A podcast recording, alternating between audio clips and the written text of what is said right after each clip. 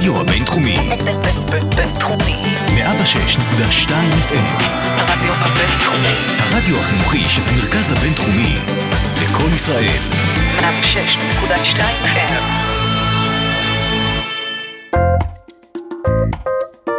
השעה הבינתחומית. פודקאסט שמחדד את המוח. עם שי קלוט. צהריים טובים לכל המאזינים שלנו, מה נשמע? אני שי קלוט, אתם כאן, איתנו ברדיו הבינתחומי 106.2 FM, אה, בשעה הבינתחומית, רצועת אקדמיה של הרדיו הבינתחומי, וכמו בכל תוכנית, גם היום אני מראיינת אחד החוקרים פה במרכז הבינתחומי, והיום נמצא איתי כאן דוקטור אלי כרמון, חוקר בכיר במכון הבינלאומי למדיניות נגד הטרור, והוא גם משמש כראש הדסק לטרור בלתי קונבנציונלי, אז שלום לך אלי. שלום, צהריים טובים. תודה רבה. אה, אז אה, באמת, כפי שהצגתי, אתה אה, מתמחה במספר תחומי מחקר. היום אנחנו נתעסק בכל מה שקשור באמת בטרור הבלתי קונבנציונלי, שזה, כמו שהזכרנו, אחד מהתחומים שאתה מתעסק בהם. אז באמת, מה זה בכלל טרור בלתי קונבנציונלי? האם אפשר להגדיר אותו? זה משהו שאתם באמת עוסקים, נכון? בכל עניין ההגדרות, אז בוא תסביר שנייה ככה. כן. טרור בלתי קונבנציונלי הוא למעשה שימוש בחומרים או בנשק כימי, ביולוגי, רדיולוגי וגרעיני לצורכי טרור, או על ידי ארגוני טרור, כדי להשיג מטרות פוליטיות. זה הדבר, ה, או הניתוח הפשוט ביותר. עכשיו, זה עלה למעשה לכותרות ולעניין הקהילה הבינלאומית פעמיים. בשנות ה-70 אה, בגלל המלחמה הגרעינית, או ההכרה הגרעינית בין שתי המעצמות, והחשש משימוש טרוריסטים, אה, במיוחד, במיוחד כאלה שהגוש הקומוניסטי היה אמור אולי להשתמש בהם, טרור גרעיני. אה, ואחרי הפיגוע המפורסם של נשק, בנשק כימי ברכבת התחתית של טוקיו במרץ 1995, זה הפך כבר אה, נושא אה, באמת אה, מרכזי בתחום המקצועי, אבל גם בתחום הפוליטי והאסטרטגי, וזה הוכרז מאז כמעבר של איזשהו קו טאבו. מבחינת ארגוני הטרור, ואפילו הממשל האמריקאי, ספציפית מזכיר ההגנה וויליאם כהן, שאז קיבל בדיוק את התפקיד, בהצהרת הפתיחה שלו כשהפך לשר ההגנה האמריקאי, הוא אמר שהטרור הבלתי קונבנציונלי, במיוחד הגרעיני, זה האיום האסטרטגי הגדול ביותר על ארה"ב במאה ה-21. עכשיו, כשאתה נותן את שתי הדוגמאות האלה, גם האיום סביב המלחמה קרה בשנות ה-70, וגם uh, התקיפה הכימית שבאמת התרחשה בטוקיו 95, אז אתה נותן דוגמה של איום ודוגמה של מקרה שבאמת קרה. אמ, אז בסך הכל לא מדובר על יותר מדי מקרים של טרור בלתי קונבנציונלי שהתרחש. למה בכל זאת, כפי שהזכרת גם את שר ההגנה האמריקאי, ובאמת המון המון רשויות בינלאומיות, מאוד חוששות מכל התחום הזה? מאיפה זה נובע? אה, אז אכן, אה, הבעיה היא שהנשק הזה, שאנחנו יודעים שהתחיל להיות מופעל כבר במלחמת העולם הראשונה, בעיקר הנשק הכימי, אחר כך במלחמת העולם השנייה הנשק הביולוגי, אה, יש לו תוצאות הרסניות. זאת אומרת, אתה יכול להשמיד אה, אולי עיר, אפילו טריטוריה גדולה, ולא רק להשמיד אותה, אלא גם לנטרל את אותה טריטוריה לשנים רבות, ואם מדובר בנשק גרעיני, אולי למאות שנים ואלפי שנים. אה, ולכן הוא נחשב כאיום אה, אסטרטגי אה, בעל משמעות. מה שמעניין זה שאם אנחנו מדברים, אנחנו עשינו את המחקר שלנו הראשוני, התחלנו ב-1998, במסגרת פרויקט של משרד הביטחון שלנו, שהיה מין שיתוף פעולה אסטרטגי בין משרד הביטחון לבין משרד ההגנה הצרפתי. דווקא אומרת, הצרפתים. הצרפתי באותה תקופה היו יחסים מצוינים עם המערכת הביטחונית הצרפתית. ולמעשה אנחנו היינו חוד החנית של אותו מחקר, כאשר השתמשנו בתחום המקצועי אה, של אה, כימיה, ביולוגיה, אה, רדיולוגיה ופיזיקה גרעינית על ידי מומחיות של המכון לחיזוי טכנולוגי באוניברסיטת תל אביב באותה תקופה. אישית הייתי אחראי על המחקר הזה, ורק אחרי 11 בספטמבר, הפיגוע הגדול, עשינו מחקר שני, שזה היה מחקר גם כן שאנחנו הובלנו, שלמעשה הציג תרחישים של איום אמיתי, מרכזי, למדינת ישראל. סביב הטרור כן. הבלתי קונבנציונלי. כן, נכון. כי ה-9-11 בסופו של דבר היה טרור קונבנציונלי. כן, הוא היה כן, המוני, כן. אבל הוא לא היה קונ... אני, אני, אני אזכיר את הנושא הזה, כי זה באמת היה מעניין מאוד. אנחנו קיבלנו את, ה, את הפרויקט הזה, למרות שכולם היו בטוחים שהנושא נח- נחקר במערכת הביטחונית, התברר שלא היה אף אחד שעשה את זה. אגב, עד היום אלה שני הפרויקטים האקדמיים היחידים אה, בתחום הזה. תחת משרד הביטחון. כן. עכשיו, מה שמעניין זה שכשאנחנו התחלנו לבדוק את הספרות, לקחנו את הספרות מ-1960 עד לסוף של שנות ה-90. היו אלפי, אלפי אה, אירועים שנחשבו כאירועים של טרור כימי, ביולוגי, או אפילו גרעיני. עכשיו, כשאנחנו התחלנו להיכנס לעובי הקורה ולבדוק ידיעה-ידיעה, ובנינו database, התברר שמתוך אלפי ידיעות, או אירועים כאלה, למעשה יש 292 אירועים סך הכל, גם כימי, גם אה, ביולוגי וגם גרעיני. עכשיו, איפה מתחיל הסיפור הגרעיני? פתאום מתברר לנו שב... אה, עשינו מחקר השוואתי שגם כן היה ראשוני מסוגו, לא רק, אה, רק כימי או רק ביולוגי, או רק, אלא השוואתי בין שלושת הסוגים. בשלושה עשורים, שנות ה-70, ה-80 וה-90. ואז מתברר שפתאום בשנות ה-70 הכי הרבה אירועים של טרור גרעיני. יותר מהכימי והביולוגי. 120 אירועים, כן. עכשיו, התחלנו אז לבדוק, אה, לבנות טיפולוגיה. זאת אומרת, מה זה אה, אירוע טרור בלתי קונבנציונלי? אז התברר שחלק גדול זה היו איומים, איומים, ש... איומי סרק שלא הגיעו ל... לידי מימוש. לידי ביצוע... כן, היו איומים ל... ל... להשתמש בנשק כזה, היו איומים נגד מתקנים גרעיניים למשל, והיו כמה אירועים, אמרתי סך הכל 292, מתוך זה אולי 20 אחוז אירועים ממשיים. ב... בג... בכללי, נכון? לאו דווקא גרעיניים בכל העולם, כמו ב... ש... בשלושת העשורים. מה, מה הסיבה לכך? זה פשוט שבספרות אנשים ציטטו וציטטו וציטטו אותם ידיעות בסגנון שונה. גם לא בדקו למשל ידיעות שהתגלה כמות שהוברחה לטורקיה של 25 קילו אורניום. אוקיי? בסוף התברר שאולי זה חומר רדיואקטיבי. אחר כך התברר שזה גם לא חומר רדיואקטיבי. אחרי שלושה חודשים התברר שהמשטרה מפרסמת שלא היה שום דבר רדיואקטיבי. פייק ניוז. אבל, ממש פייק אבל ניוז. בספרות זה נשאר ככה. זה נשאר ככה. ואנחנו לא- עשינו עבודת נמלים בתחום הזה. אה, ואז ראינו שבשנות ה-70 הכי הרבה אה, טרור גרעיני. מה זה טרור גרעיני? זה היו איומים נגד רכבות, למשל, שהובילו טילים מנמלי צרפת, טילים אמריקאים, לגרמניה, כדי שיהיו מופנים לכיוון ברית המועצות. מה עשו? עלו על אה, פסי הרכבת, ניסו לפרוץ לאיזשהו בסיס אה, אה, צבאי אמריקאי, ניסו למנוע פירוק טילים מהאוניות. זה נחשב כטרור גרעיני. וזה אפילו אוקיי. רק איום, ואפילו לא מימוש האיום. היה מימוש, אבל זה לא היה נגד, לא נגד היה. הנשק הגרעיני, כן. אבל זה הופיע כ- אה, כאירוע גרעיני. עכשיו, למה באותה תקופה כל כך הרבה אירועים? מפני שהייתה מלחמה, מלחמת תודעה בין הגוש המערבי וארצות הברית לבין הגוש הקומוניסטי. הקומוניסטים, או ברית המועצות בעיקר, לא רצתה שנשק אסטרטגי יועבר מארצות הברית לגבול שלה בגרמניה, באיטליה וכך הלאה. ולכן גם השתמשו בתנועות פציפיסטיות. בלי ידיעתם, כדי לנסות לשבש את אותם המערך. את אותם, אה, כן, אה, הכשרה כן. ואותם אה, נשקים שהיו לאותן מעצמות.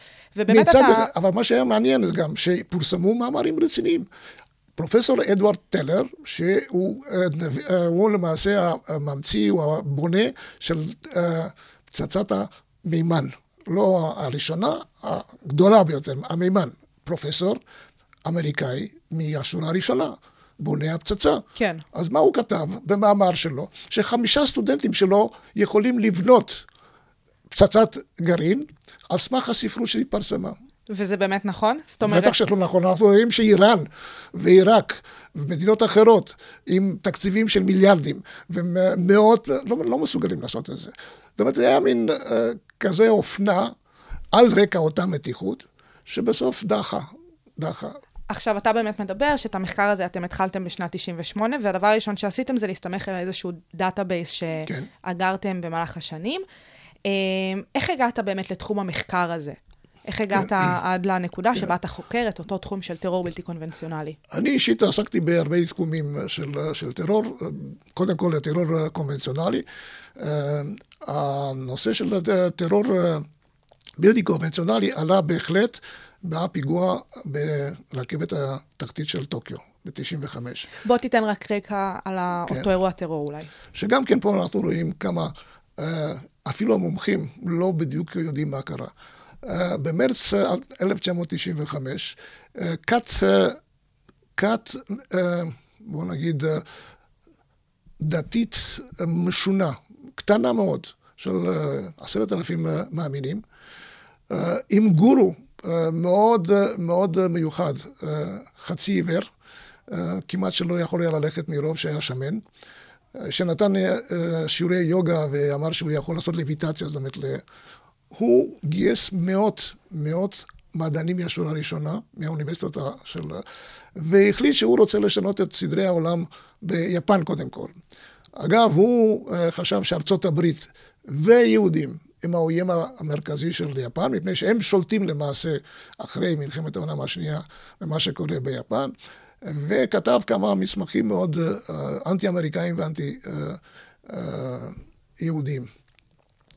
ואז הוא ניסה לפתח בהתחלה נשק ביולוגי, הוא לא כל כך הצליח. אתה יכול להסביר למה באמת יותר קשה לפתח נשק ביולוגי מאשר כימי למשל? קודם כל, בוא נגיד, אם אנחנו, אחת המסקנות של, של המחקר שלנו הייתה שהאפשרות לביצוע פיגוע בלתי קונבנציונלי היא קודם כל בנשק כימי. אחר כך בנשק ביולוגי, ואחר כך בנשק, כשאנחנו התחלנו, דיברנו על נשק גרעיני. נכון. בתקופה של 4-5 שנים שעסקנו בתחום הזה, ראינו שאין למעשה שום אפשרות של בניית נשק גרעיני, כפי שאמרתי, פרופסור טלר כתב מין wishful thinking כזה, אבל בנשק רדיולוגי למשל, זה הרבה יותר קל מאשר נשק ביולוגי. עכשיו, למה הנשק הכימי הוא הכי פשוט קודם לעשייה, לפיתוח? זה חומרים שאפשר למצוא, כולל חומרים שמשתמשים בהם כדי לבנות את הנשק הכימי האמיתי שנמצאים בתעשייה, במחקר. זה פחות או יותר דומה לבנות פצצות רגילות, חומר, ה... חומר נפץ. אז החומרים עצמם יותר נגישים. נגישים, יותר קלים, וגם אנחנו יודעים שהארגוני הטרור הגדולים יודעים לטפל בחומרים האלה. יש להם החומרים האלה הבסיסיים, והם יכולים לבנות אותם. עכשיו, דבר שני, מה רוצה ארגון טרור? ארגון רוצ... טרור רוצה קודם כל שיראו את התוצאות, שיראו את התוצאות המיידיות. עכשיו, כאשר אתה משתמש בנשק כימי, בוודאי בנשק מסוג, בוא נגיד, מתוחכם, כמו סרין,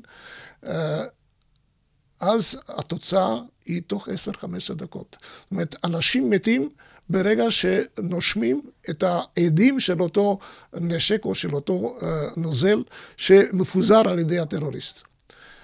וזה יכול לגרום גם למאות הרוגים. ו... הארגון יודע גם לשלוט פחות או יותר, זאת אומרת, הנשק הזה יותר כמו פצצה רגילה, אתה יכול לבנות פצצה יותר גדולה, יותר קטנה, לשים אותה באזור סגור, באזור פתוח, והארגונים יודעים פחות או יותר איך לשלוט. זאת אומרת, הוא יכול לדעת מה התוצאה הסופית פחות או יותר. ורוב הארגונים לא רוצים להשמיד את האנושות או את ה... אלא לתקוף כן. משהו נקודתי ולהעביר את אותו מסר פוליטי שמעוניינים. כן. מעבר לזה, יש אפילו איזו לגיטימציה. איך מלחמת העולם הראשונה, רק אז התחילו למעשה להשתמש במוש... באופן מסיבי בנשק כימי. היו עשרות אלפי הרוגים משני הצדדים, הקואליציה הגרמנית והקואליציה הצרפתית-אנגלית. אה, ללא תוצאות למעשה, אבל זו הייתה מלחמה אכזרית מאוד. בסוף המלחמה כמעט, כמעט 50 אחוז מהנשק הארטילרי של שני הקואליציות היה נשק כימי. ברגע שסיימו את המלחמה, גם הגיעו להסכם ב-1925 שאסור להשתמש בנשק כימי בגלל מה שראו בשטח. אגב, הנשק הכימי לא הכריע את המלחמה באותה תקופה. לכן, מסיבות האלה, יותר סביר, וזו למעשה האפשרות הראשונה של שימוש בנשק בלתי קונבנציונלי. הנשק הביולוגי הוא הרבה יותר קשה, אה, קודם כל, לייצור. למרות שעקרונית יש אה, מעבדות באוניברסיטאות, יש מעבדות אה, תעשייתיות שמשתמשים בכל מיני סוגים של רעלים. זאת אומרת, הידע קיים, אבל לייצר את זה... עכשיו, להבדיל מה, מהנשק הכימי, שיש לו איזושהי יציבות, אתה יכול לשמור אותו ל, ל, בכל מיני מקומות סגורים, לאורך הזמן אתה יכול להשתמש אה, לא מיד אחרי שהצלת כן. אותו. לגבי הנשק הביולוגי, צריך לשמור אותו גם בתנאים מיוחדים, כי אחרת הוא משמיד את עצמו. יש לו חיי. מדף מסוימים. בדיוק. אה, לא רק זה, מבחינת, ה... ואחד הנקודות התורפה למעשה, זה איך אתה מפיץ בצורה יעילה את אותו נשק כימי או ביולוגי או רדיולוגי, כדי שתשיג את התוצאות. נשק הביולוגי כמעט שלא ניתן לשליטה. מה זה אומר? אוקיי, שמים אה, איזושהי, אה, לא פצצה, אבל איזשהו חומר במקום ציבורי, נגיד בית קולנוע, או אפילו מטוס, יש כאלה שהציעו מטוס. אנשים מקבלים אה, איזושהי מחלה, מחלה למשל כמו דבר, אוקיי? והדבר הזה מתחיל להשפיע, אז זה עובר מאחד לשני, וזה יכול לגרום לאיזושהי מחלה של מאות אלפי אנשים. משהו קצת יותר המוני בסופו של דבר. בדיוק. עכשיו, יש אה, דברים כאלה כמו אנטרקס למשל, שהיכולת שלהם להתפשט היא הרבה יותר מוגבלת. אה, רק מגע פיזי ממשי זה אה, נותן תוצאות. יש מקומות, דברים אחרים כמו הדבר למשל, שהיכולת שלהם להתפזר הרבה יותר גבוהה. ו... small pox זה ה... כן. אה, בעברית... הפבואות אה, שחורות. סליחה, הפבואות השחורות. למעשה זה אחד החומרים הכי... אה, הכי מסוכנים, מפני שהם למעשה עוברים מאדם לאדם במהירות, ולא צריך מגע, זה מספיק שהאוויר סופג את אותם... זה גם שימוש שהיו עושים בו בימי הביניים או משהו כזה, נכון? כן, באירופה כן, היו, היו מביאים גופות של... כל מיני גופות. גם מקורות, מקורות מים ש, נכון, שזוהמו. בשביל מה, להשתלט מה, על אזורים. מה, מהעולם העתיק, אבל זה היה בקנה מידה, בוא, בוא נגיד, קטן. קטן. לא היה. עכשיו, אה, אחד אה, הדברים האלה זה שאין לך שליטה. זאת אומרת, הארגון מחליט, אוקיי, אני שלחתי את זה, אבל הוא לא יודע כמה אנשים ייפגעו, וגם לא רואים את זה מיד. זה לפעמים צריך לקחת שבוע, שבועיים, שלושה שבועות, עד שהמגפה... הסימפטומים... עד, עד שהמגפה מתפשטת. עכשיו, מה זה ההבדל בין כימי ל... ל קוראים לזה בשפה המקצועית, בוא נגיד באנגלית, הזמת איבנט. זאת אומרת, הכימי זה אירוע של חומרים מסוכנים. האירוע הביולוגי הוא אירוע של מערכת רפואית. זאת אומרת, אם יש לך מערכת רפואית מפותחת, שיכולה כן. קודם כל לזהות בזמן את התחלת המגפה, להתכונן, גם לבודד את אותה קהילה שכבר מזוהמת, אז אתה יכול לשלוט את זה. אה, ולכן גם יש איזושהי עילה מסתורית כזו. ולכן הנושא של נשק ביולוגי, לפי הערכה שלנו, וגם מומחים אחרים, הוא הרבה יותר קשה לביצוע. אה, אנחנו גם מתוך הספרות מתרשמים שארגוני הטרור אה, קצת מפחדים לגעת בנושא הזה, אוקיי? קצת מפחדים לגעת. הפרדוקס הוא שבארצות הברית, כאשר אה, התרחש האירוע בטוקיו, מה הייתה התוצאה האופרטיבית הנגדית בארצות הברית?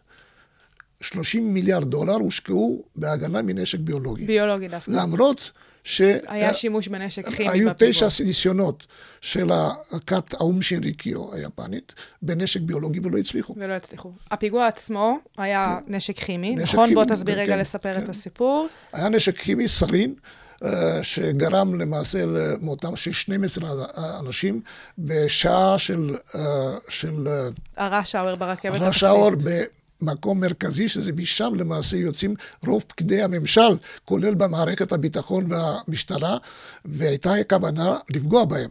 עכשיו, מתו 12,000 איש, איזה 97 היו חולים מאוד, והשאר, אמרו שיש 5,000 פצועים. רובם זה הפסיכוסומטי. זאת אומרת, לא ממש היו, היו כן. uh, פצועים. Uh, ויש, אולי אם נגיע לפירוט, יש, יש פה מה ללמוד, כי זה האירוע הגדול ביותר והמוכר ביותר שאפשר היה לנתח, גם מבחינתנו, כשעשינו את, ה, את המחקר. אבל למה זה נשק ביולוגי בארצות הברית? ופה יש סיפור. מתברר שהנשיא קלינטון באותה תקופה, שהיה מודע למה שקרה, הוא קרא איזשהו ספר, אה, ספר של מדע בדיוני, שדיבר על uh, קוברה, זה נקרא קוברה, okay. אוקיי. שדיבר על uh, התקפה ביולוגית על ארה"ב. אז הוא החליט שזה ה... פה רואים איך הפוליטיקה מתערבת בהחלטות המעשיות. ואיך גם הסיפורת כן. עוזרת לאותם כן. פוליטיקאים לקבל החלטות. כתוצאה ממה שקרה באותה תקופה, מאמצע שנות ה-90 עד ל-11 בספטמבר, הנושא הזה קיבל מימד פוליטי. ותעמול, לא תעמולתי, תקשורתי עצום, ולכן הנושא של מה שאז נקרא Weapons of Mass Destruction, או נשק להשמדה המונית, הפך לנושא מרכזי בשיח הפוליטי והתקשורתי באותה תקופה. בלי להבדיל מה זה Weapons of Mass Destruction, למשל, הממשל האמריקאי החליט שהפיגוע ב-1995 בבניין הפדרלי באוקלאומה סיטי, אה, ששם נהרגו 165 אה, עובדים ובני משפחה שלהם, באותו פיצוץ עצום, זה פיגוע של אה, השמדה המונית. שזה היה פיצוץ של חומר נפץ, כמו פיצוץ גדול כן, של, מתאבדים. כן, פשוט חומר נפץ כן. רגיל. כן. אז באמת כל העניין של המושגים זה משהו שקצת עדיין אה, לא כן, ברור, כן. ואין מושגים אחידים. אז פה, פה באמת חשוב לחזור לנושא הזה. כשאנחנו התחלנו לבדוק והיינו צריכים להגדיר מה זה פיגוע בלתי קונבנציונלי. ומאחר והיו כאלה הבדלים בין כימי, ביולוגי וגרעיני, לפני שאנחנו מדברים על, על רדיולוגי, אנחנו אמרנו, אם יש פיגוע עם כמה מאות uh, הרוגים, uh, אה, אפשר לקרוא לו אולי פיגוע טקטי, אוקיי?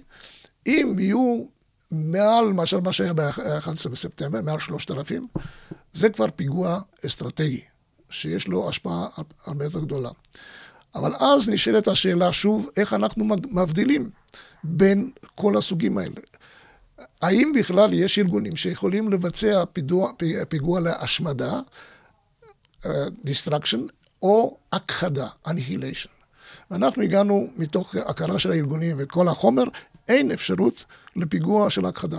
זאת אומרת שעיר כמו ניו יורק, שלפי חלק מהמומחים, אם אה, מטוס קל שמפזר אנטרקס על מנהטן, יכולה, הפיגוע אה, יכול לגרום לשלושה מיליון, שלושה מיליון הרוגים, זה לא רציני, לא קיים. זה לא משהו ממשי שיכול להתקיים. אבל אם יש פיגוע עם אנטרקס, כמו שהיה אגב, פיגוע באוקטובר 2001, של אנטרקס, כן. מיד נדבר על זה, שהוא גורם לכמה עשרות ואפילו כמה מאות הרוגים, זה פיגוע שהוא השמדה, אבל הוא לא... הוא לא הכחדה. לא הכחדה. זאת אומרת, הכחדה זה לא רק הכחדה, למשל, אה, אם יש פיגוע גרעיני, אה, הוא יכול לגרום, בגלל, כמו שראינו בנושא של צ'רנוביל, למשך אה, עשרות שנים, מאות שנים, אולי אלפי שנים, תלוי באיזה חומר uh, מדובר, לניטרול טריטוריות uh, שלמות. יש אפילו תיאוריה שאומרת שיכול להיות שיהיה פיגוע או התקפה גרעינית על ישראל, שאם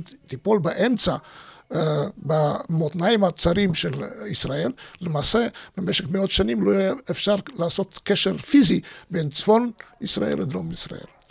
ואנחנו מדינה אז, קטנה, כן, אז אנחנו... אז לכן אנחנו ימים. אמרנו שהארגונים הגדולים מלבד יכולים לעשות אולי פיגוע השמדה אה, או טקטי או מוגבל, אבל האפקט שלהם הוא אסטרטגי. הוא אסטרטגי ולא... בגלל, בגלל, כפי שראינו בטוקיו, למרות שהיו רק 12 הרוגים, אם היה שם uh, מתאבד עם 15 קילו, היה הורג 200 איש ולא נכון. 12 איש. אבל האפקט הכימי או הביולוגי הוא הרבה יותר גדול.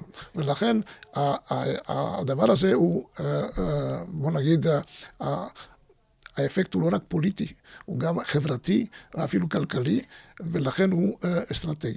אז למה אנחנו לא רואים יותר מתקפות טרור מהסוג הזה של הבלתי קונבנציונלי? כי כמו שאנחנו מדברים פה כבר לתוך הראיון, כבר קצת יותר מ-20 דקות, אנחנו מדברים פה על כמה מקרים מהעבר, והמקרה הגדול ביותר, כפי שציינת ממש עכשיו, לא יותר מ-12 הרוגים, uh, וכמה, מאות, uh, וכמה עשרות uh, פצועים וכדומה. אני הייתי מצפה בהיגיון הבריא שלי, במיוחד על ריבוי מפגעי הטרור באופן כללי שיש בעידן המודרני, למה אין יותר מפגעים בטרור הבלתי קונבנציונלי באמת? אז זו בדיוק הבעיה שאמרתי uh, בתחילתה. קשה מאוד, קודם כל, לייצר באמת חומרים כימיים, ביולוגיים, ואפילו uh, רדיולוגיים, ואנחנו הוצאנו מכלל uh, אפשרות את הנושא הגרעיני. אני עוד אדבר אולי קצת על הגרעיני. Uh, לא רק לייצר, להפוך אותו לנשק. כי מה שאנחנו מדברים, ההתקפות שאנחנו ראינו, זה שימוש ב... agents, זאת אומרת חומרים, זה לא משהו שעבר, uh, uh, הפך לנשק, weaponization, כן. okay, אוקיי? מה שאנחנו קוראים, ש... כמו למשל נשק ארטילרי כימי, שהסורים והעיראקים והאיראנים פיתחו, זה לא אותו דבר. Uh, ואחר כך לשמור אותו, ואחר כך להפיץ אותו בצורה, בצורה uh, יעילה. עכשיו, מה שהיה גם מעניין במחקר הראשון שלנו, איפה היו כל ה... מתוך 292 אירועים, איפה היו רוב האירועים, אוקיי? באיזה חלקים בעולם? מי היו האנשים? 55 אחוז היו בארצות הברית, איזה 28 אחוז באירופה, 14 אחוז באסיה, במזרח התיכון 4 אחוז, ובדרום אמריקה 2 אחוז. אפריקה מחוץ לתמונה, זה לא, לא, לא. קשור? עכשיו, איפה, איפה יש הכי הרבה, איפה היה הכי הרבה טרור בשנות ה-60, ה-70 וה-80? בעולם בכלל? בעולם. אני לא יודעת. במזרח התיכון, במזרח ובדרום, התיכון. ובדרום דרום אפריקה, דרום אמריקה, סליחה, אוקיי? גרילה, טרור, בממדים גדולים מאוד.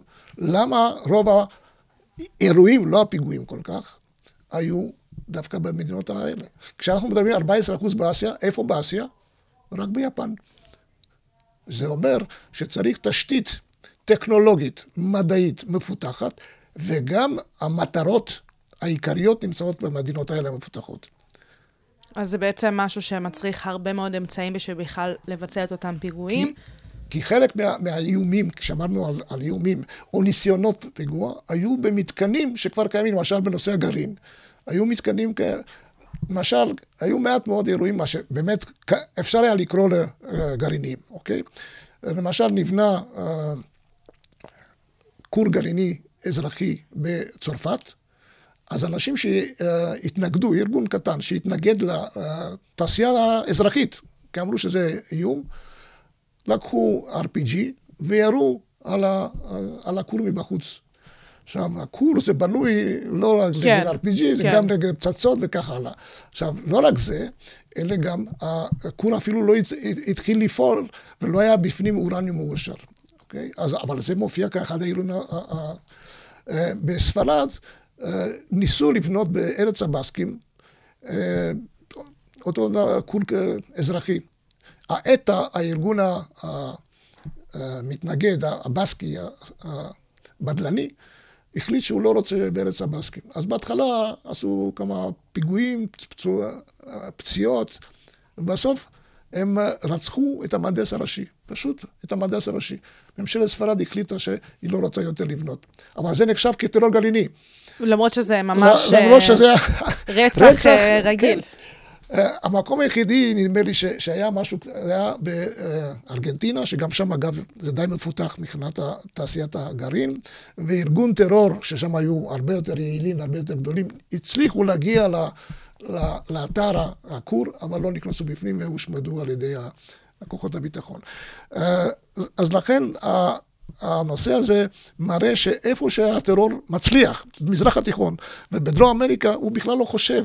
וכשאנחנו עשינו בדיקה אחרת, אה, יותר מאוחר, אה, עשיתי אה, עם פרופסור אה, אהוד שפרינץ הגזל, שהיה למעשה מייסד בית הספר לממשל כאן, כתבנו מחקר, עשינו מחקר על השימוש בנשק בלתי קונבנציונלי על ידי פלסטינאים, שהיה כמעט אפס. אז זהו, זה אפס. קצת יותר מתקשר לעניין שבאמת מה האיום כיום בישראל, האם אנחנו מאוימים על ידי אה, נשק בלתי קונבנציונלי? אז בואו באמת תרחיב קצת על אותו מחקר של השימוש אה, האופציונלי של הפלסטינאים בנשק מסוג זה. אז אה, קודם כל, המסקנה שלנו, ממש לפני 11 בספטמבר, הייתה שרק ארגונים גדולים מאוד, כמו חיזבאללה או אל-קאעידה, יכולים לבצע, או לייצר ולבצע פיגוע שהוא מוגבל אמנם, אבל כפי שאמרתי, יכול להיות אסטרטגי, אבל בדרך כלל אין להם עניין, להערכתנו אין להם עניין. וראינו ש-11 בספטמבר זה פיגוע קונבנציונלי לגמרי, כי אנחנו ידענו שבישראל למשל בשנת 70 נחטפו ארבעה מטוסים, ואומנם פוצצו ב- על הקרקע, אבל היה גם ניסיון להפעיל טייסים להתפוצץ באוויר.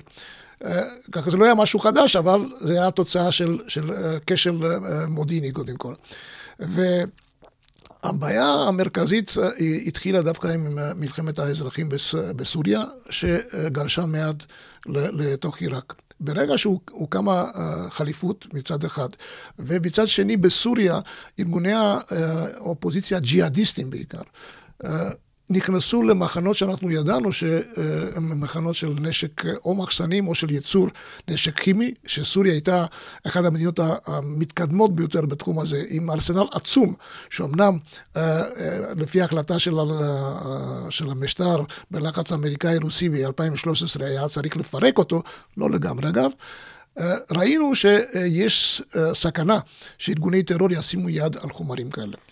וזה האיום שבאמת בסמוך אלינו, בסופו כן, של כן, דבר. לא, סמוך אלינו, ואנחנו ראינו בחליפות שמי שלמעשה עוסק בתחום הזה, זה מומחים לשעבר של משטר סדאם חוסיין, שיש להם ניסיון, שהיו להם שם אה, אלפי פגזים ופצצות, וגם כשהושמדו בשנות ה-90, 96, 97, על ידי האו"ם, פקחים של האו"ם, בכל זאת נשארו שרידים, אמרו, "אה, כן, זה מתחת לאדמה, אף אחד יכול, לא יכול להיכנס לשם. אנחנו ראינו שה... דאעש או אייסיס הצליח לייצר כמויות קטנות, בעיקר של אה, כלורין וקצת סרין, ותקפו, תקפו את הכורדים.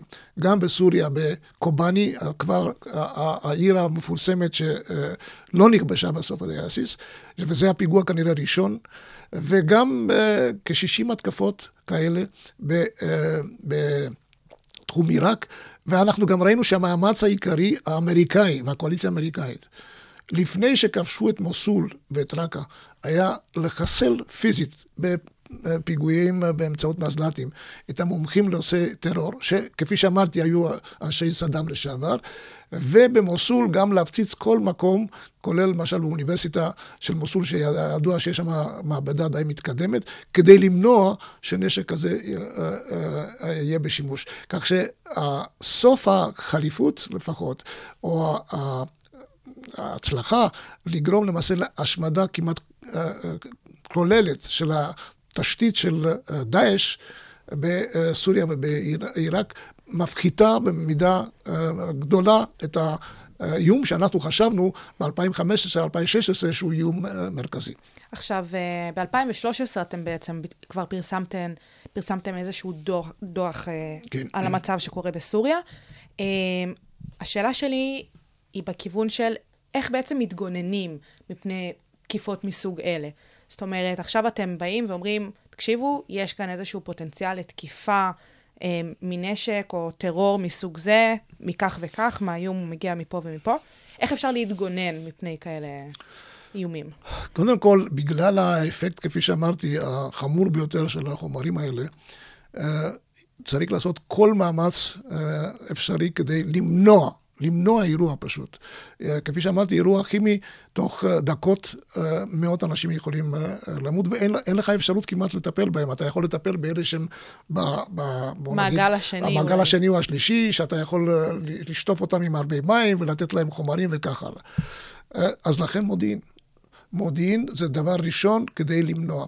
וכפי שאמרתי, בעיראק וסוריה, המודיעין שימש אותם כדי למנוע את הייצור, ולמשל, את המומחה הראשון שהיה אחראי על הנשק הכימי חיסלו, את השני לקחו, אה, אה, חטפו אותו. והוא מסר מידע על מקומות איפה שיש ניסיון לפיתוח נשק כימי, ואז הם הפציצו מסיבית שם. כן. Uh, הדבר השני, צריך לדעת שלגבי נשק ביולוגי, uh, אם יש מספיק התראה, או מיד אחרי שמתחיל אירוע כזה, אז יש שם מערכת ה- בריאות. ה- ה- הבריאות. כאשר היה uh, התקפה של אנטרקס בארצות הברית, באמצעות מכתבים שבתוכו היו, הייתה אבקה מאוד מאוד מיוחדת, שעליה הבקטריות של, של אנטרקס, אה, וזה התפשט בעיקר בוושינגטון ובמערכות של עיתונים וטלוויזיה בניו יורק. המערכ, המערכת האמריקאית לא ידעה איך להתמודד עם זה. ואז אמרו, גילו למעשה, שהחזית הראשונה זה הרופאים. זאת אומרת, רק הרופאים גילו שזה עניין של אנטרקס ולא משהו אחר, ואז ברגע שיש אנטרקס, אז אתה יודע איך לטפל. למשל, אחת הבעיות זה אחרי שיש כבר זיהום, איך אתה מנקה את זה. במקרה של ארצות הברית של אנטרקס, אמרתי, היו 11 הרוגים, 11 הרוגים מתוך 23 ש...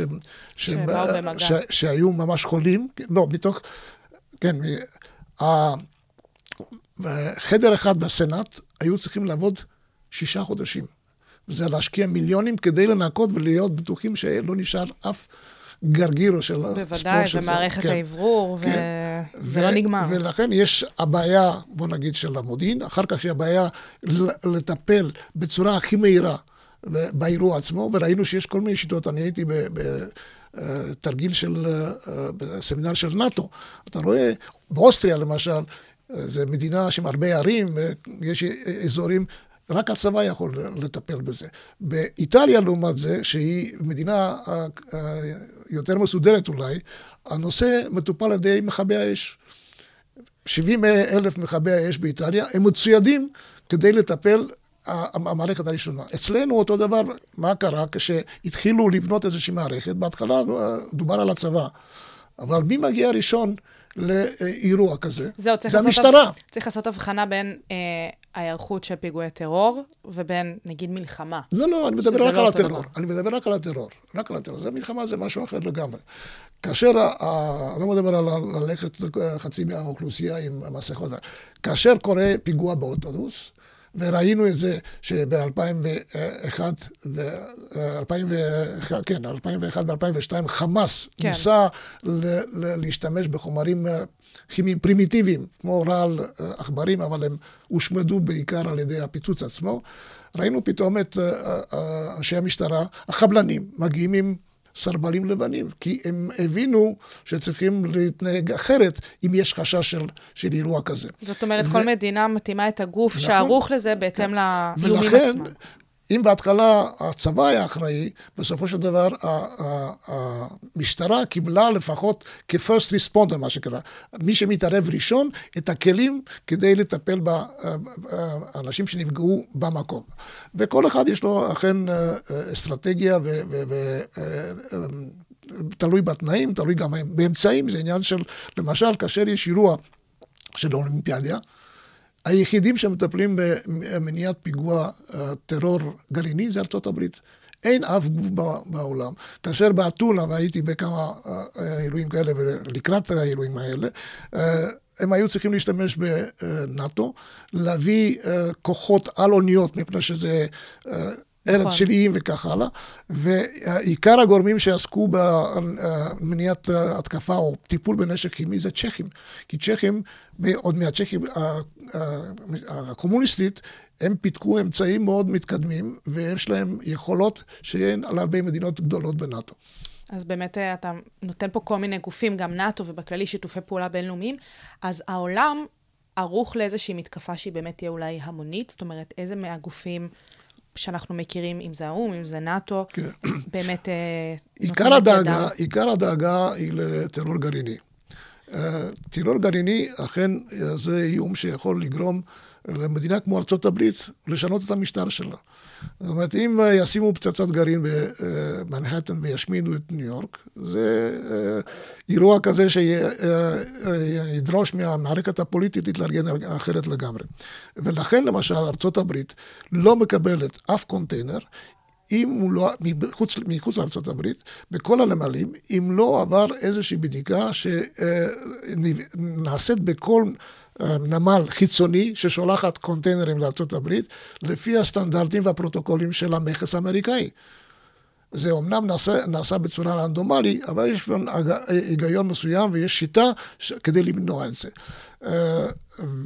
מצד שני, כשאתה חושב, מי יכול באמת, ל, ל, אנחנו רואים שמדינה כמו איראן, עיראק לא יכולה, פקיסטן והודו זה לקח להם גם כן אה, המון השקעות, אבל אמרו, יקנו נשק אה, גרעיני. והיו כאלה שדיברו ב-2000, 2001, שאל-קאעידה קנה בקזחסטן אה, פצצה, 20 פצצות בהתחלה אמרו, אוקיי? מתברר שכל החומר הרדיואקטיבי, הפלוטוניום והאורניום, שפורק מהנשק בקזחסטן, שהיה נשק סובייטי, נמכר לארצות הברית. אותו דבר באוקראינה. כי היה גם הסכם בין אה, רוסיה, אחרי ארצות, אה, ברית המועצות וארצות הברית, לנטרל את החומרים האלה. והרוסים בהתחלה לא היו כל כך אה, מוכנים לזה, ובאמת היו הרבה חשש, חששות שיהיו מדענים ואנשים שימכרו אה, חומר גרעיני מהמאגרים העצומים של ברית המועצות. הם הקימו יחידות מיוחדות, הם אה, הקימו אה, אה, אה, סטנדרטים של פעילות בתחום הזה.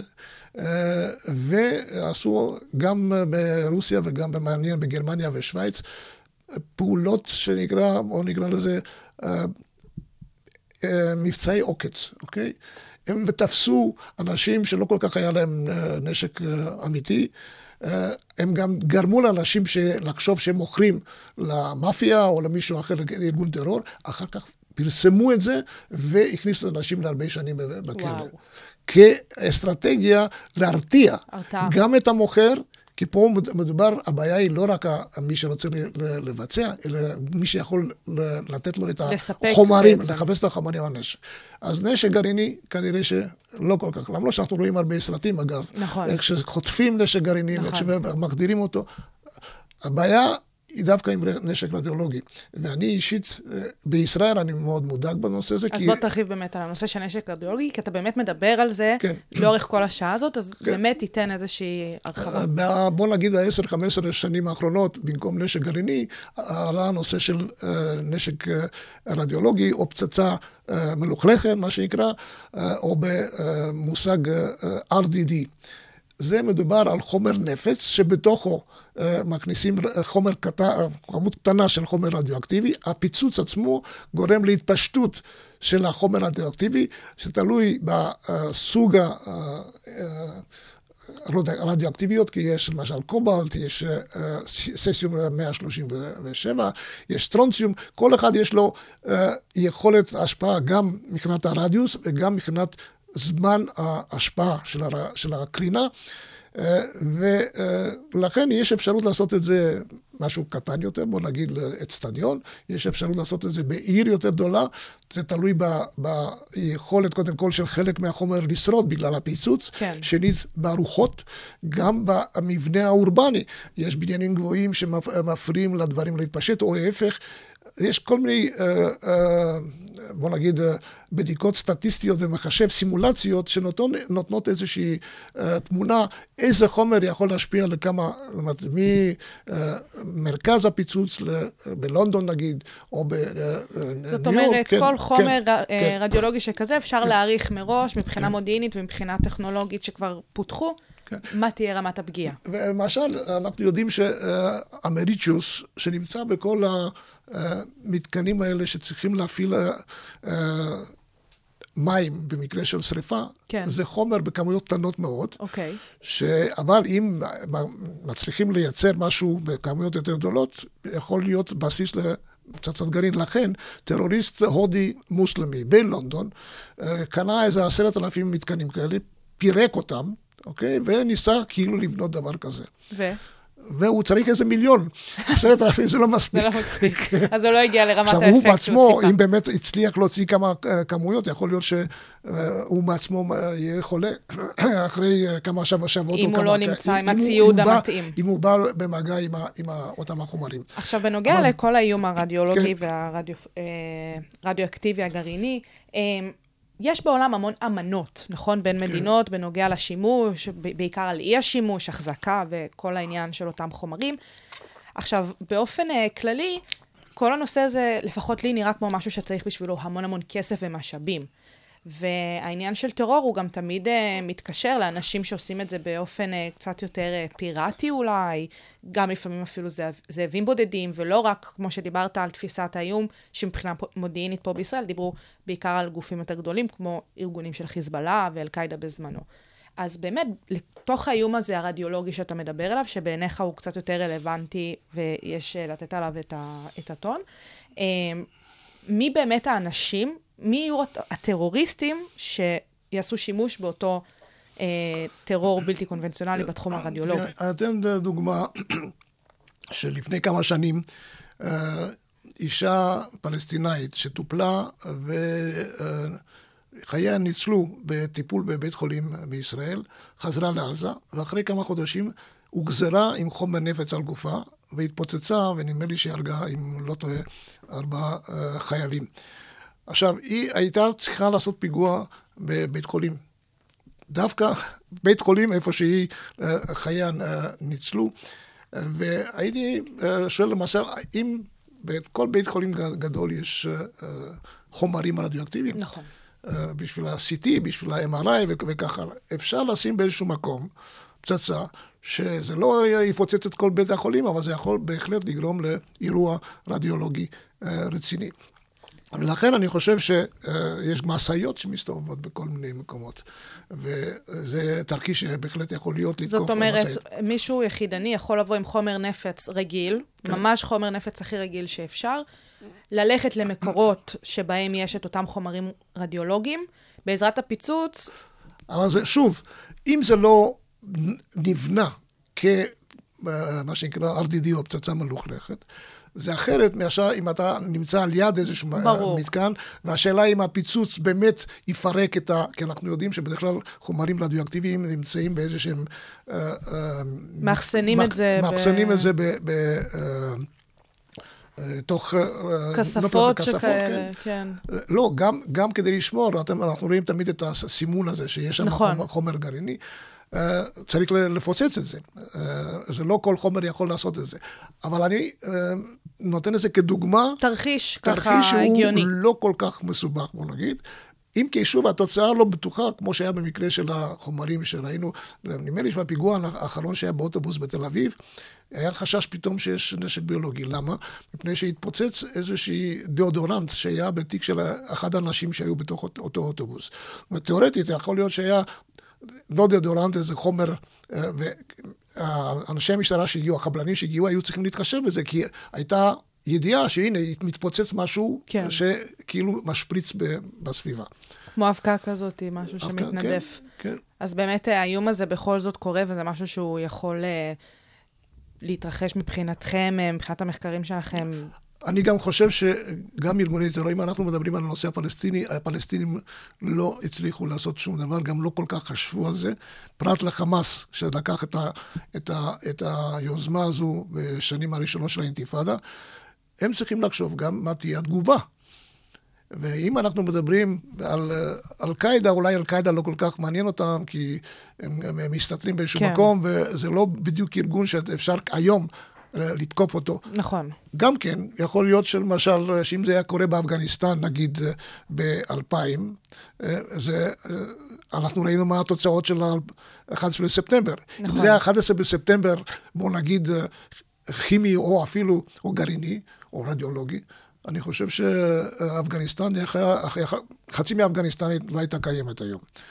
כי היו מגיבים ששוב, כי. כי הד- הדבר הזה מחייב תגובה של מדינות בקנה מידה הרבה יותר גדול. Uh, זו, זו, בוא נגיד, סוגיה מאוד מורכבת, מאוד... אני אופטימי במובן זה שאני חושב שקודם כל קשה מאוד לבצע, קודם כל לייצר ולבצע אה, אירוע אה, ביולוגי ורדיולוגי אה, מורכב, מתוחכם. אה, אני אתן לך אולי עוד כמה דוגמאות. למשל, בבלגיה, הקבוצה האחרונה שנעצרה שם בפיגוע במרץ 2016, נדמה לי, גילו אצלם בבית מסמכים על מנהל של כור גרעיני חשוב מאוד ליד ברוסל. ולפי איך שהבינו החוקרים, הם רצו לחטוף את המנהל, את המשפחה שלו, לחייב אותו, להביא אותם לתוך המתקן ולהיכנס איתו כדי לעשות איזשהו פיגוע, פיגוע בתוך בפנים. המתקן. היה פיגוע בדרום צרפת לפני איזה שנתיים, שלוש, שאזרח ממוצא אלג'יראי, הוא אה, עבד בחברת אה, הובלות שנכנסה למתקן כימי דווקא אמריקאים בשטח אה, צרפת, אה, מאוד רגיש. הוא כרת את אה, ראשו של המנהל שלו ונכנס עם הטנדר, עם האישור שהיה לו בתוך המתקן, והתחיל להפעיל קודם כל מתקני גז, ופיצץ אותם. המזל הוא, כשהיה צריך לשים את זה ליד מתקנים הרבה יותר מסוכנים, הגיעו אנשי משטרה ועצרו אותו. זאת אומרת, אפשר לעשות דברים, לא צריך לייצר. הולכים למקורות עצמם. ובצרפת באוקטובר 2001, שבועיים אחרי פיגוע גדול, היה אה, אירוע גדול מאוד במפעל כימי בטולוז, 33 הרוגים, 3,000 או 2,000 פצועים. Uh, היו ידיעות, ועד היום לא לגמרי ברורות, שזה היה פיגוע של uh, כנראה אל-קאעידה. ממשלת צרפת אף פעם לא רצתה להודות בזה. זהו, זה, העניין הוא גם לפעמים ההכרה של המדינות באותם מקרים, בשביל לא לעודד היה, מפגעים אה, פה, פוטנציאליים. פה היה גם אספקט, אה, היבט אה, כלכלי. הפצועים שם צריכים לקבל שני ביליון דולר פיצויים. יש משפט עד היום, עוד לא נגמר המשפט. וזה תלוי, אם זה היה פיגוע, זה ממשלת צרפת. אם זה היה תאונה, זה חברת טוטל. כן. מי ישלם כן, את הכסף? כן. אז גם נכנסים פה להיבט המשפטי והכלכלי. כן. Uh, עוד שאלה בנוגע לאופן שבו אפשר uh, uh, לייצר פיגועים כאלו. למשל, יש שדה קרב, מלחמה עכשיו, אבל המלחמה היא רגילה, ופתאום אחד הכוחות uh, משתמש באפילו גז מדמיע, כן? זה בעצם שימוש בחומר כימי, וזה משהו שהוא מנטרל, זה לא הורג, זה לא באמת, אבל זה מנטרל. זה משהו שכן נכנס לסטטיסטיקות של המחקרים שלכם? קודם כל, במלחמה לא. מלחמה לא. ברגע שזה מלחמה אז לא. אני אתן לך דוגמה אחרת. אה, אה, למשל, במלחמת מפרץ השנייה ב-2003, הייתה שאלה אה, מה יקרה, למרות שארצות הברית רק נכנסה לעיראק, מה יקרה לישראל?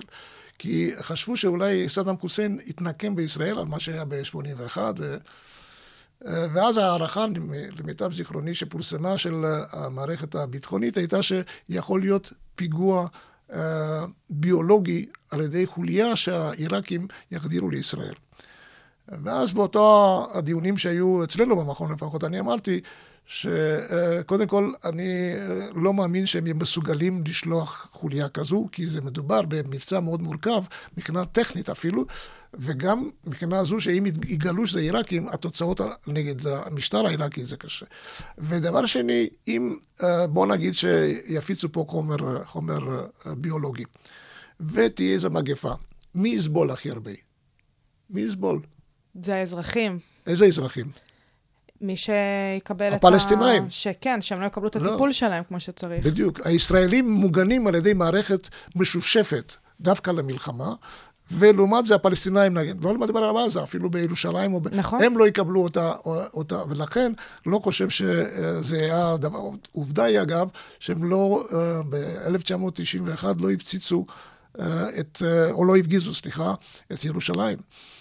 כי ידעו מה, שוב, מה התוצאות הסמליות, בוא נגיד, לגבי, לגבי כן, המשטר. כן, מבחינת האוכלוסייה שיכולה להיפגע מזה בצורה הרבה ביותר.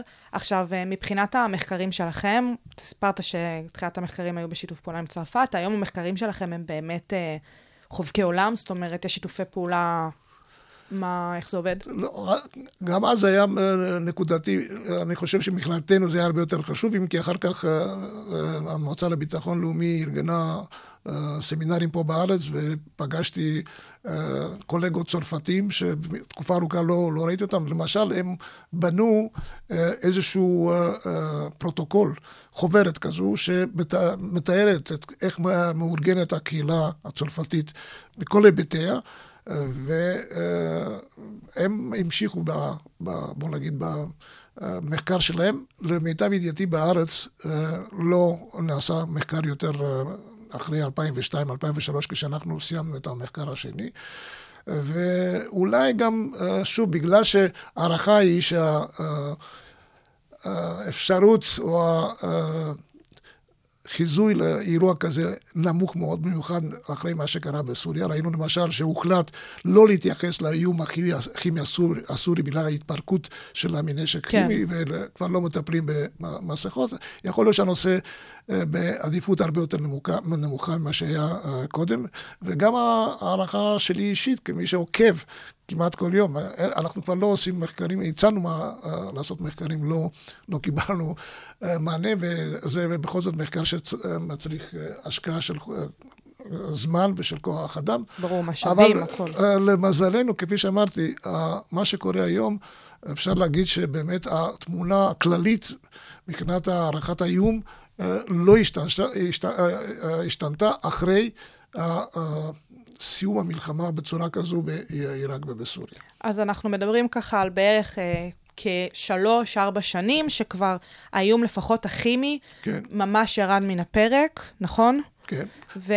לא, אני אומר, מה שכן מבחינתי, לדעתי, איום שקיים כל הזמן, הוא הרבה יותר מוחשי והרבה יותר קל לביצוע, זה התקפה על מתקן, מתקן אה, קיים. מתקן קיים, שאנחנו מדברים על מתקנים שהם בדרך כלל... בעיקר אה, כימיים. כימיים? כן. אה, שזה למשל אה, באזור חיפה, נכון? כל אזור... יש המון, יש המון, גם בארץ וגם בחוץ לארץ. למשל בארצות הברית, היום רכבות עם חומרים כימיים צריכים לעקוף את הערים הגדולות. למשל, בצרפת, שיש שם נדמה לי 47 כורים אזרחיים, כורים אטומיים, אי אפשר לטוס מעליהם, כי אז מפילים אותך באופן אוטומטי. אז יש כל מיני אה, שינויים ש, שנעשו, למשל, ב-2006-2007 היו 15 פיגועים בעיראק על ידי אל-קאעידה עם קלורין. בתוך uh, משאיות, משאיות עם uh, מאות קילו של חומר נפץ, יחד עם כאלה, uh, לא, לא קונטיינרים של קלורין, כאלה, כן, כן. ש, שמשתמשים בתעשייה. Uh, רוב ההרוגים היו מהפיצוץ. ואחרי 15 אה, אה, פיגועים כאלה בחצי שנה, אל-קאעידה הפסיק, כי ראה שזה לא, זה לא פרודוקטיבי. יעיל.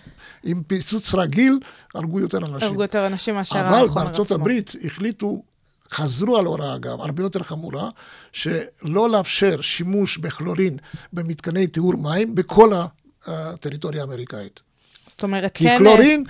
היה בשימוש, ואפשר להשתמש בחומרים אחרים ש... אה, פחות מזיקים בסופו של כן, דבר, כן, בהשפעה כן, הכימית כן. שלהם. אז אנחנו באמת uh, רואים שהאיום העיקרי זה על המתקנים עצמם, ולא באמת על האוכלוסיות האזרחיות. כיום זה פחות משהו ש... איפה המתקן? המתקן, כפי שאמרתי בטולוז, אם זה באמת היה פיגוע, נכון.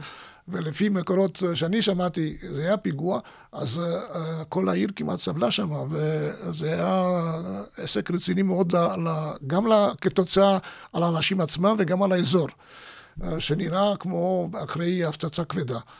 באמת. כן, אני ראיתי, היה סרט שאגב, לא יכולתי יותר למצוא אותו בטלוויזיה הצרפתית, שזוג עיתונאים על אופנוע של הטלוויזיה המקומית נוסעים חצי שעה, חצי שעה בדרך שמובילה מהעיר עד למפעל הזה העצום, חצי שעה, אין אף אמבולנס, אף אה, אה, מכונית משטרה, ורק אנשים פצועים ומכוניות מרוסקות על, על הצדדים. וואו. זאת אומרת שגם באמת זה... לא יודעים איך להתמודד עם uh, מקרים שכאלה, וזה כן, אולי הדבר הכי חמור. אה, מתקן אמוניה עצום, שגרם, ל... זה היה פיצוץ של uh, בסדר גודל 3.7 בסולם ריכטר.